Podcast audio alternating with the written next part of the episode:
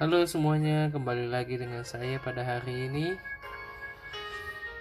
Saya mau menyapa setiap sobat pendengar di mana pun anda berada adalah adalah orang-orang yang luar biasa.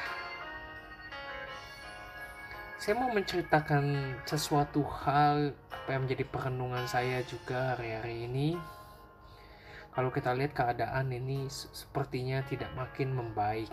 Kita dilanda oleh berbagai krisis yang terjadi di dalam kehidupan kita. Dan kita selalu berdoa. Mungkin kita berdoa meminta pertolongan kepada Tuhan.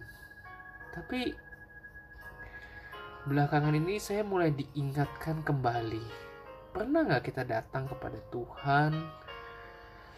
Bukan berdoa meminta sesuatu tetapi lebih kepada seperti kita bersyukur atau berterima kasih atas keadaan kita. Kita sering kali lupa mengucap syukur ketika keadaan kita sedang tidak enak. Kita lebih mudah mengucap syukur atau berterima kasih ketika mujizat terjadi. Tetapi ketika mujizat belum terjadi, apakah kita bisa bersyukur? Apakah kita bisa berterima kasih kepada Tuhan?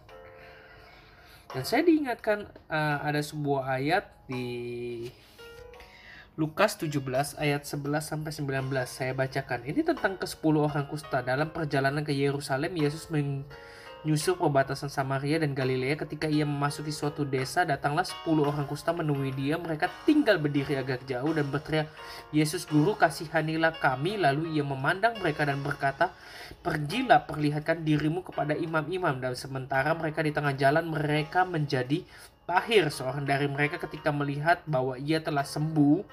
Jadi ada salah seorang kembali sambil memuliakan Allah dengan suara nyaring. Lalu tersungkurlah di depan kaki Yesus dan mengucap syukur kepadanya. Orang itu adalah seorang Samaria.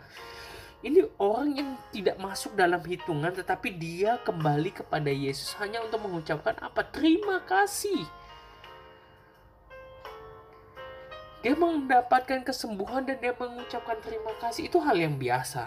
Tapi yang terjadi adalah sembilan orang itu lupa dan orang ini ingat kepada Yesus. Terkadang ketika kita sudah ditolong oleh Tuhan, apakah kita masih mengingat-ingat kebaikannya?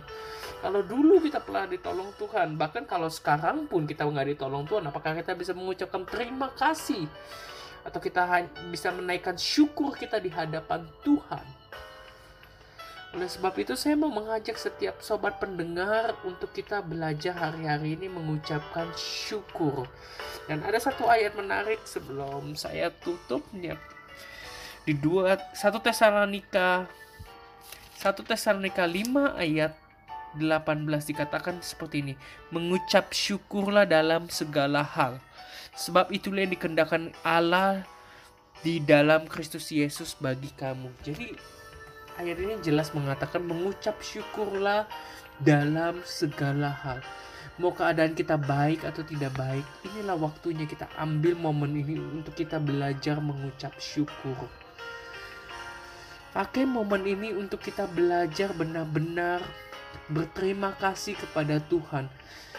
Mungkin kita mengucapkan terima kasih waktu dulu, setahun yang lalu ketika kita mengalami mujizat dan hari ini kita lupa ini waktunya kita ambil momen ini untuk kita mengucap syukur walaupun keadaan sepertinya sedang tidak enak, tapi inilah yang menjadi momen kita mengucap syukur.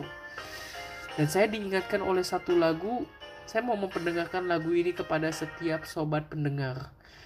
Lagu ini ditulis oleh Don Moon yaitu judulnya Thank You Lord. Dan biar melalui pujian ini bisa memberkati semua sobat pendengar.